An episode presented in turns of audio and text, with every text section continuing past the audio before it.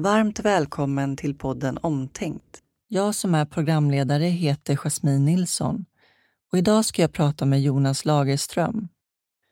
Jonas är stjärnkocken som tävlat i kocklandslaget, Årets kock och vunnit Kockarnas kamp.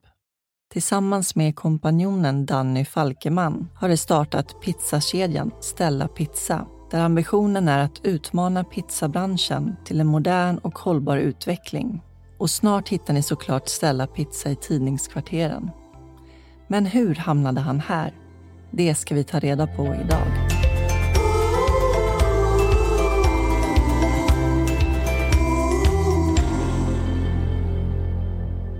Varmt välkommen till podden Omtänkt, Jonas. Tack så mycket. Hur är läget? Det är bra. Det är hektiska dagar i dagsläget, men, eh, men roligt. Mycket som händer. Många bollar i luften, minst sagt. Ja, det får man säga. Ja, Härligt. Vad är roligast just nu? Alltså det roligaste är ju liksom den kreativa processen. Jag är ju kock, liksom, så jag gillar den kreativa processen i köket, men nu har man även hittat en kreativ process i liksom etablering och utveckling av, av eh, mina olika koncept och det som vi bygger upp och skapar varumärke tillsammans med drivna människor. Liksom. Just det. Hur har din dag sett ut? Vad har du gjort idag? Idag, eh, vi håller på att etablera tre stycken restauranger som öppnar nästa vecka på Torkel Knutssons gata på Söder. Så där har jag varit hela morgonen och förmiddagen och eh, vi får tillträde imorgon så att vi har massa småfix att göra. Däribland så blir det Celeste som är min stora nya satsning. Ett och alles eh, systerkrog kan man säga. Som kommer vara på taket och sen har jag då Stella pizza i bottenplan och en Ish som är våra nya koncept som vi öppnade i Sturegallerian för två veckor sedan. Som blir nummer två nu. Så det är roligt. Man undrar om du har någon fritid? Ja, man får liksom sova lite mindre bara. Ja. Jag har tre barn hemma också, så jag har full, fullt ös på alla fronter. Ja, jag förstår det. Men eh, du har ju verkligen gjort den ultimata kockresan, kan man säga det? Tänkte du börja med juniorkocklandslaget. Sen har du varit med och eh, tävlat i Årets kock flera gånger och kommit till final. Och så har du varit med i kocklandslaget. Är det någonting du känner att du inte har gjort som du vill göra? Ja, men alltså det är ju alltid drivkraften att säga ja och göra saker och pusha sig själv. Och det har ju alltid varit min drivkraft ända sedan jag var yngre. Liksom. Och landslaget, en resa i sig i sex år totalt. Men också Årets kock har alltid legat väldigt varmt om hjärtat. Liksom. Det har varit en tävling som jag tyvärr inte har vunnit än. Än säger jag, även om jag sagt att jag tävlar klart i den tävlingen. Men eh, man vet aldrig. När våren dyker upp och ansökningarna kommer blir man alltid lika sugen. Liksom. Men sen har ju eh, Kockarnas kamp var ju en otroligt kul tävling att vara med och vinna också. Och det var ju en stor... Det var en helt annan typ av tävling. Man ser tv-programmen. det är också kockar som är tävlingsinriktade som ska synas på tv och göra alla går in i en tävlingsmode ändå och det är så pass lång tid man spelar in så det är också en ganska häftig grej. Ja, det är en riktigt hård fight. Ja, alltså men det, det blir det. Det är liksom elitnivå känns det som när ni tävlar. Ja, och även om tävlingsuppgifterna just i Kockarnas kamp är lite annorlunda så ja. är det så här, spelar egentligen ingen roll vad man gör och det är ju samma sak som om man ser på, på nu också. Jag menar, nu driver jag 14 restauranger och det är ganska många och det är, så här, det är ju drivkraften i sig att utmana sig själv och se hur långt man kan göra olika saker. Och, och det är lika bra att bara pusha på. Och tycka det är, så länge man tycker det är kul och har passion för det så tror jag att man, man kommer lyckas. Liksom. Jag tror bara att man måste tro på sig själv och, och köra på. Liksom. Men är det inte svårt att hitta en balans med det intensiva arbetslivet och familjelivet? Och... Jo, det har alltid varit svårt. Det har alltid varit en utmaning eftersom jag alltid varit väldigt driven i min mitt arbete och det som jag, det som jag är som kock. Och som, jag har alltid liksom gått med grundplanen när man var yngre att jag ska bli Sveriges bästa kock, jag ska på Sveriges bästa restaurang och man ska göra det här och här. Och liksom man vill så mycket. Liksom. Såklart så hittar man begränsningar, men jag tror att familjen är en, den viktigaste byggstenen som gör att jag klarar att göra det jag gör i mitt yrke. Liksom. Det är ju ett, en trygghet. Och liksom en, sen har jag ju en fantastisk fru som, som roddar med det mesta där hemma faktiskt. Så, så att det är ett liv vi har valt att, att, leva och vi trivs jättebra med det. Liksom. Men det är klart att det kommer utmaningar. Jag jobbar mycket kvällar. Liksom, och sådär, mm. så Ja, det är en livsstil, tänker jag, som man väljer. Ja, men absolut. Det är allt annat än att räkna timmar och gå hem från jobbet. Mm. Liksom, utan det är, det är konstant någonting som, som snurrar liksom, och man behöver hitta tid att koppla bort. Och bästa sättet med det är ju, och vilket vi också skapat ganska bra, även om det är intensivt i vissa perioder, så har vi ändå otroligt många starka team members och kollegor. Och, och I alla, alla koncerner har vi liksom riktigt starka driftspersoner som man har en trygghet och man vet att även om man står någon annanstans så levereras det på, på mm. alla platser. Liksom. Men det jag är nyfiken på är hur hela den här resan började för dig när du var liten. För jag har förstått det som att matlagning var ingen stor grej i familjen utan det var mer en passion som väcktes hos dig. Ja, men precis. Jag har ju massa bröder mm. och det är alltid liksom en konkurrensgrej såklart. Så. Och sen är jag, det är lite sladdig så att jag liksom ändå växte upp ganska själv. Så där. Mina äldre bröder hade flyttat hemifrån och så när jag växte upp. Men det fanns ändå liksom en drivkraft att hitta någonting för sig själv som man kan bevisa för familj och vänner och släkt att man kan. Och, och, och jag har alltid gillat den kreativa biten. Och, så mat har alltid varit en sån grej som man har liksom varit med och när det är midsommar, det är jul, det ska lagas mat. Att man har liksom skrivit menyer och dukat upp bord. Och det är så kul att se på min eh, son, min nästa son. Han, han tar väldigt mycket på det också. Att så här, han gillar att skriva menyer och och liksom fixa i ordning. Och nu när vi öppnat Stella också så är det mycket liksom att få vara med en dag på Stella och packa in lite dricka och vara med och baka pizza och sådär. Liksom. Det är väldigt roligt. Jag kan tänka mig att du kan spegla dig själv då i honom. Ja, väldigt mycket. Mm. Också den här lite försiktigheten. Liksom.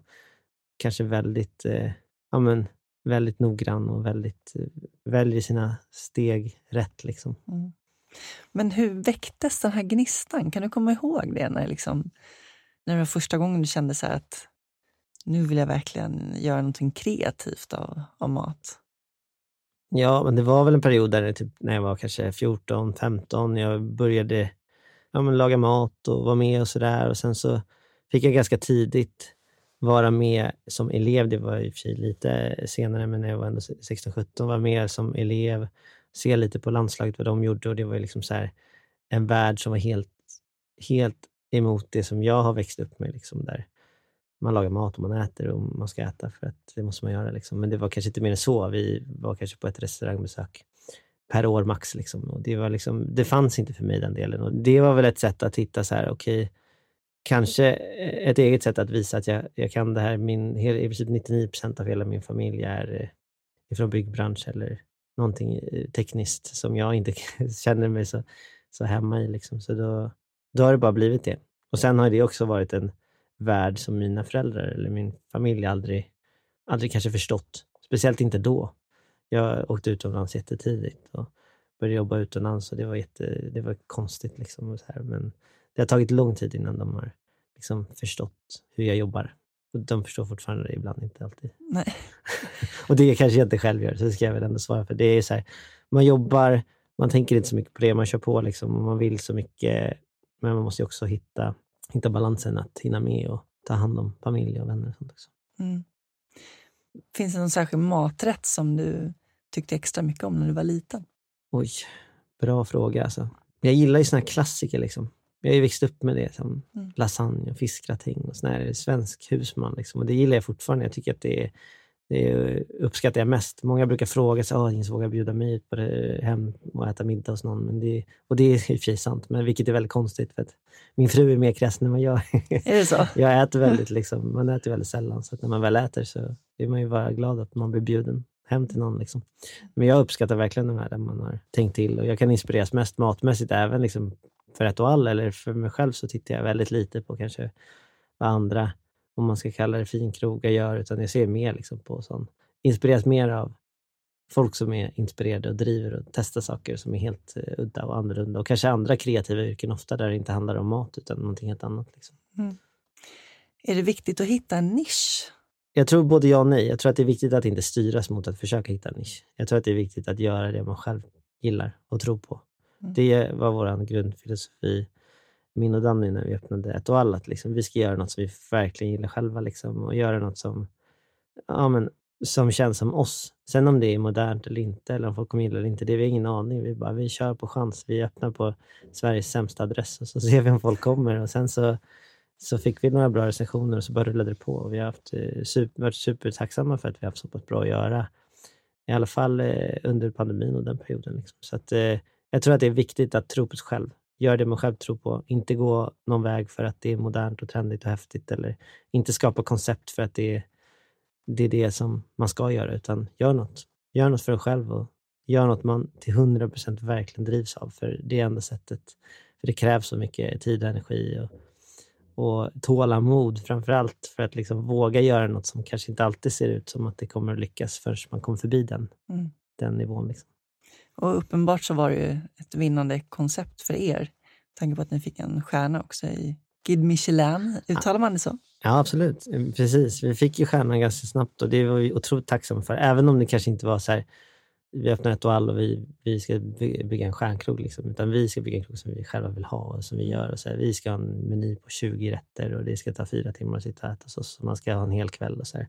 De flesta gick åt andra hållet. De flesta skalade ner menyer, satte två sittningar och gjorde det kanske lite mer ekonomiskt möjligt att göra något. Men vi var så här, vi kör på. Vi måste få det att funka och göra något som, som funkar för oss. Men att det ändå är liksom, vi kan komma hit och tro på det själva. Och, och det var nog det som gav resultat med vår stjärna, att vi, att, vi, att vi har ganska mycket personlighet i vad vi har gjort. Liksom. Att man ska komma till oss och verkligen känna att man är hemma. Liksom. Och det är ju en viktig detalj när vi pratar familj och sånt, för min del. Och även för Danny och Rakel. Som är liksom, eh, alla vi som driver krogen har ju liksom inte en bakgrund i restaurangvärlden bakåt. Liksom.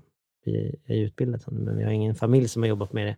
Och då blir det, det blir så mycket viktigare för oss att, att eh, upplevelsen av att komma till oss ska vara anpassad för alla ska funka för mina föräldrar som inte hade gått till en sån här restaurang i vanliga fall. Och de ska tycka att det är fantastiskt och de ska tycka att det är kul och det får absolut inte bli pretentiöst. Så det måste vara liksom hemma hos och käns känslan måste vara att man bara älskar att vara där. Liksom. Mm. Och sen gott. Framförallt måste det vara gott. Och det låter som en självklarhet, vilket det borde vara för en restaurang. Men det är ofta många glömmer bort att det är, man lägger mycket tid på tekniker och avancerade grejer och maskiner och, och göra saker på rätt sätt. Så man glömmer kanske bort att faktiskt laga mat på riktigt. Och det är ju en sak som är otroligt viktigt att börja med. Liksom.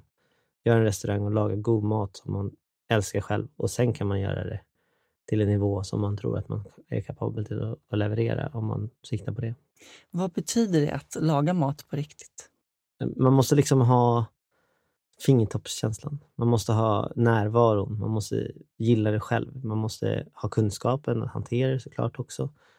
Men också framförallt visa liksom respekt åt råvarorna och respekt åt hantverket. Och, och för vår del så är det väldigt mycket så. Vi är, har ett team på 11 kockar på ett och. Det är många kockar. Vi har bara 20 gäster varje kväll. Det är ett ganska ungt team. Många har liksom kanske bara för något år sedan gått ut restaurangskolan. Superdrivna, engagerade, vill väldigt mycket, ger järnet varenda kväll. Liksom. Men de kanske inte har all den underliggande kunskapen alltid. Och Då är det så viktigt att man har det här teamet där alla kan komplettera varandra och att man hittar liksom kunskapen någonstans i gruppen. Mm. Och att man lär sig mer av att det är okej att inte kunna allt. Det är mycket viktigare att vi som en grupp ska leverera någonting tillsammans och ska hitta lösningarna tillsammans. Och så tror jag de flesta yrken bär sig, vad man än jobbar med. Att man måste ha ett team där vissa är jäkligt bra på vissa saker. Vissa kommer inte vara bra på det, men de är bra på något annat. Och teamar man ihop dem, då kommer man att nå dit man vill. Liksom. Man kommer aldrig kunna komma, köra resan själv. Liksom. Mm.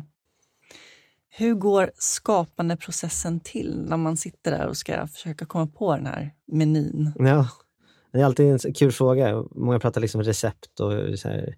Vi jobbar inte riktigt så, eh, vi kockar, liksom, utan nu har vi skapat en ett och all-profil som är oss. Liksom. Och det är ju så mycket oss och inte någon person bakom det. Liksom. Även om Många pratar om mig, eller om Danny eller om Rakel. Liksom. Så det är ett team på 11 personer där innan någonting hamnar på menyn så är det ett och all som har gjort den för att alla har varit delaktiga. Alla har varit petat lite, alla har smakat, alla har tyckt, alla har tänkt. Liksom. Och så, det kan vara rätter som jag eller någon annan har presenterat 2018 som fortfarande inte kommer på menyn. Så fortfarande är det en idé som skulle kunna bli hur bra som helst, men den har liksom inte landat rätt. Vi har inte slopat den än, men den har inte landat rätt. Den har inte fått en plats och den finns fortfarande där med oss. Sen finns det rätter som vi testar på fredagen som kommer upp på tisdagen. Så att det kan gå väldigt snabbt och det kan ta väldigt lång tid. Och det måste man ju också respektera. Och det var ganska viktigt för oss att så här, man ska inte, vi ska inte ändra för ändrades skull. Liksom. Vi kan ha en meny som fortgår. Det kan vara en månad, två månader, tre månader. Det spelar ingen roll. Så länge som utvecklingen som görs bara är till det bättre. Byter vi någonting så ska det vara för att det ska bli bättre. Mm. Eller möjligtvis att vi byter något när råvarorna är ur säsong. Och nu har vi gjort det efter fem år, liksom lärt oss att liksom långsiktigt utveckla saker. Så att vi har ju rätter, vi har ju en bank. Vi kanske har fem eller sex signaturrätter på menyn nu. Men totalt kanske vi har 15 som vi vet att vi kan plocka ifrån om vi behöver fylla upp med en rätt som funkar, liksom, mm. som vi gillar. Du nämnde att alla ni tre, ni kommer inte från en så bakgrund där man haft familjen bakom som har hållit på med matlagning och så vidare. Nej, precis. Tror du att det är till er fördel? Ja, jag tror att det är verkligen till vår fördel. Vi känns lite som underdogs själva i branschen. Jag gör det i alla fall. Jag mm. tycker att det alltid, man tänker alltid så, liksom, att vissa talas det mycket om och vissa är profiler som men de har ju haft lika tung resa som, som alla haft. Liksom. Det är en resa oavsett vad man väljer att göra. Men jag tror vår fördel är att vårt perspektiv blir ganska mycket att vi bygger våra, våra restauranger, våra restauranger utifrån 99 procent. Vi vill liksom att 99 procent ska vilja komma till oss. Mm. Det kommer alltid vara någon som inte... Men eh, man, man vill liksom inte begränsa sig. Alla måste vilja komma till oss. det är väl bra höga ambitioner? Ja, det måste Eller? man. Kan du eh, berätta om när du har tänkt om och tänkt annorlunda i din karriär? Eh, ja, det var en bra fråga. Alltså, ganska tidigt, skulle jag säga, när jag precis hade gått ut skolan. Och jag vet ju också precis den känslan, för att jag har ju väldigt många i mitt team som är i den åldern nu, som jag var i, där man, liksom, man går ut, man ska göra det bästa som går ska jobba på de bästa krogarna. Jag började på Sveriges bästa krog då. Jobbade där i nästan två år. Klev av och kände att det här kan jag inte jobba med. Jag kan inte jobba med det här Det är det värsta jag varit med om. På vilket sätt var det det värsta du har varit med ja, men Det är ju en bransch som har varit ganska tuff. Fortfarande är ganska tuff. Den har blivit mycket, mycket bättre, men det har alltid varit ganska hårt arbetsklimat, tunga tider, det har varit ganska mycket hierarki. Kanske inte så mycket i Sverige, det har varit det. Det är värre utomlands. Och det är fortfarande mycket utomlands. Men i Sverige är vi... Där har vi liksom... Den nya generationen fattar. De, de är mycket mer smartare än vad vi var. Liksom. De är mycket mer att så här ska det vara. Liksom, jag ska ha mina lediga helger ibland. Jag ska få mina OB-tillägg. Jag ska ha mitt kollektivavtal. De fattar det. Vi var så här, ja, men jag kan jobba gratis. Det spelar ingen roll. Jag ska bara lära mig det här. Liksom. Och det är på gott och ont. Man måste klara av att långsiktigt kunna jobba i det här liksom, och klara av det. Och branschen måste klara av det också. Och där, under den perioden kände jag att jag kommer inte palla det här. Mm. Men det, jag är väldigt glad att jag lyckades ändå att fortsätta. Jag åkte utomlands, jobbade på en annan krog. Jag fortsatte där, hittade liksom ett team som jag trivdes superbra med. Vart då? I Oslo. Och jag jobbade i Oslo ganska länge, totalt fyra år. Och jag slutade inte där för att jag ville åka från Oslo. Jag älskade Oslo, men jag jag kom i landslaget precis innan och, och fick lover av min äldsta son. Och så det var liksom naturligt att flytta hem. Och det är jag glad för nu. Men, men just då var det så här, man hittar glädje i någonting som på papper kanske inte känns som... Alltså jag gick från Sveriges bästa krog till något som inte var något speciellt. Och på papper när man är i den tiden där man pratar med alla och man ska skapa kontakter och man ska visa sig sina, fram sina fötter, så här, då, då är allt man gör väldigt viktigt på papper, men egentligen handlar det väldigt mycket om känslan och det är ju det som folk måste förstå. att Det är inte så viktigt var man gör, eller vad man gör, eller hur man gör det, eller om det är kvällar eller luncher, eller vad man nu står och gör för någonting. Det viktigaste är att man trivs med det, för det är enda sättet att både orka med och, och eh, inspireras. Mm. Så det har jag lärt mig mycket och tagit med mig. Sen kan jag se tillbaka på min tid när jag började och älska det jag lärde mig då. För att det är ovärderligt för mig nu. Även om jag inte kanske uppskattade det under den tiden. Så det är ju också, det är både och. Liksom. Därför försöker jag ha med mig det väldigt mycket i mitt team på Etoile. Att de är unga, man måste pusha dem, som folk gjorde med mig. Men man måste också ha förståelse för att backa och ha med dem och få dem att förstå resan. Och lyssna på och ta med vad vill de och vad, vad de tänkt. Och så här, hur, ska vi, hur ska deras nästa tre år se ut? Mm. Och vad kan vi göra för att de ska hamna där? Liksom? Och det är ju att visa på en omtänksamhet, tänker jag också. Ja. Att ni och det, tror om dem. Ja, men verkligen. Och sen kanske det inte alltid känns så för dem heller. Nej. Så får jag ändå vara ärlig och säga, för det är tungt och det är tufft och vi har många timmar. Och det är en hög press. Vi, vi satsar på två stjärnor. Vi vill göra det här och vi ska göra det här. Och det är klart att det är tungt även för oss.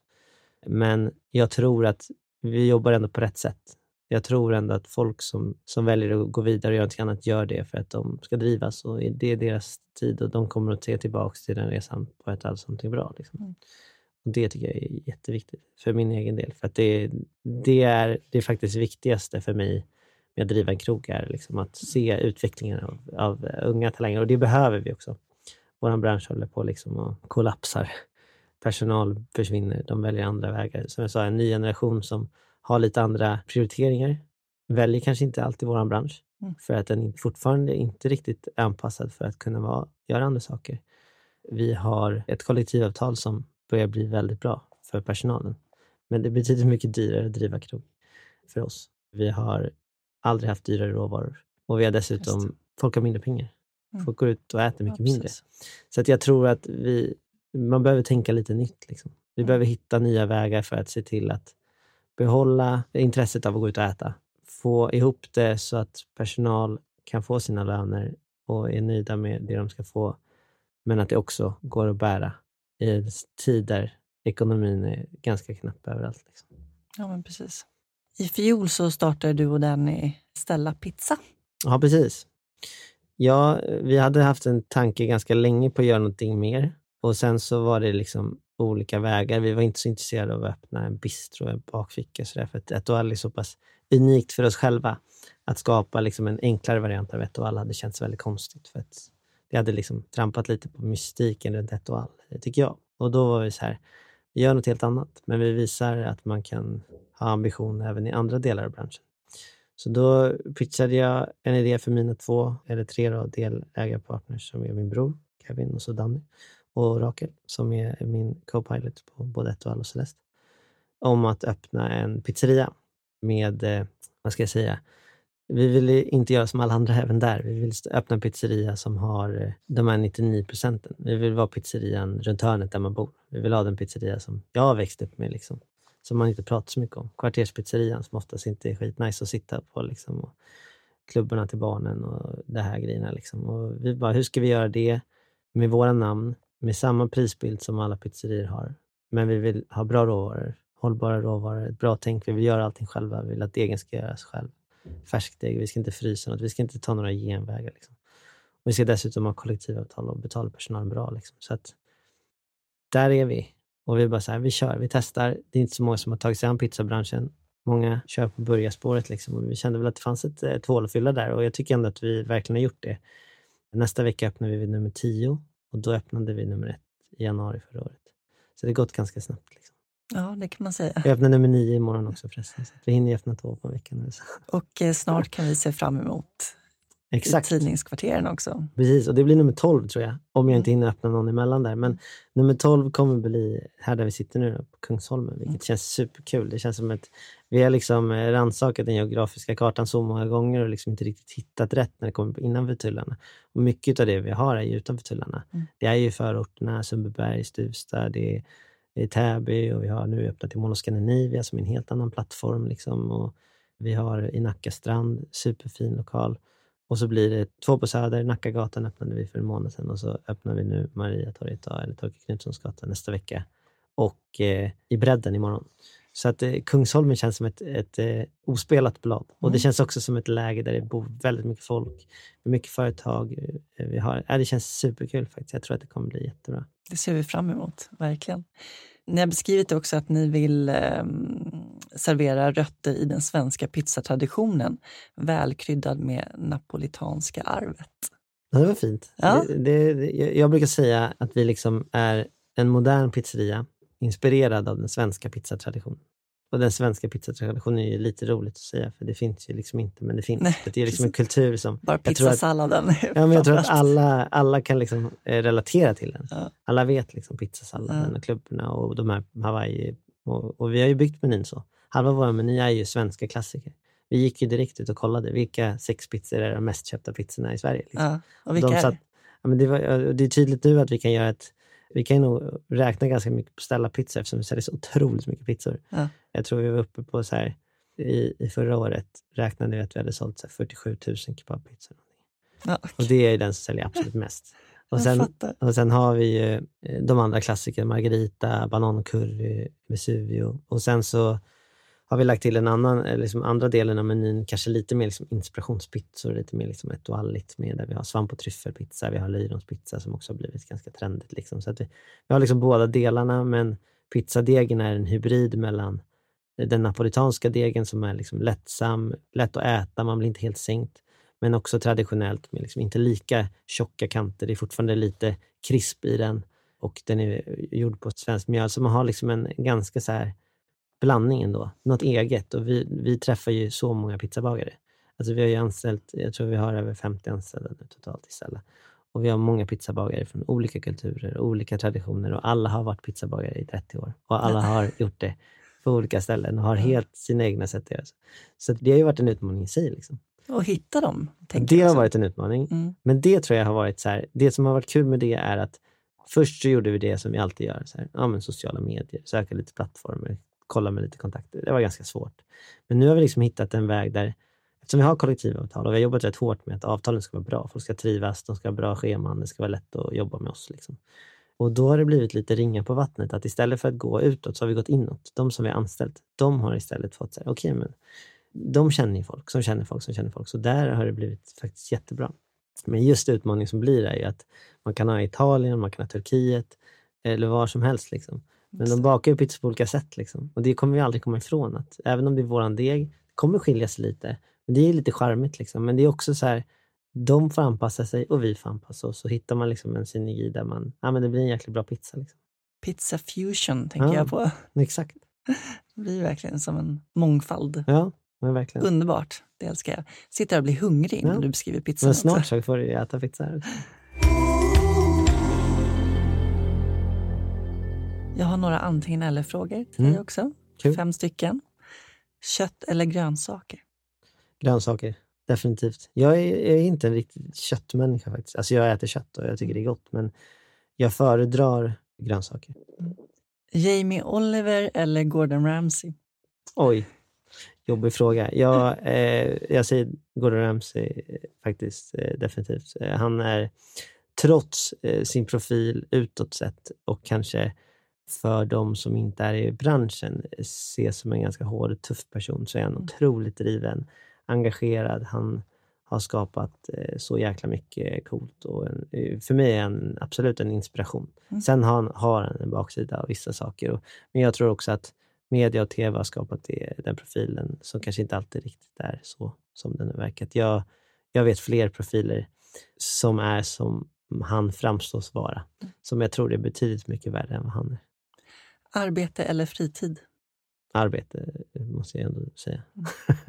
alltså jag älskar de tider när jag är ledig och är med min familj, men jag älskar också att jobba. Mm. Annars hade det inte funkat. Jag tänker att man måste det kanske i den branschen. Ja, det och, måste man verkligen. Och ha passionen förstås. Ja. Mm. Doft eller smak? Smak. 100 procent. Se eller höra? Se. Tack så jättemycket Jonas för att du gästade Omtänkt. Det var trevligt. Tack själv. Superkul att få komma ja, hit. Tack. Följ Tidningskvarteren på Instagram så missar du varken nästa avsnitt eller andra roliga saker som händer här. Omtänkt spelas in i Tidningskvarterens poddstudio och alla som jobbar här kan låna den för att skapa ljud och berätta historier i poddform. Skicka bara ett mejl till hej tidningskvarteren.se om du vill veta mer. Klippning görs av Jessica Körnmark.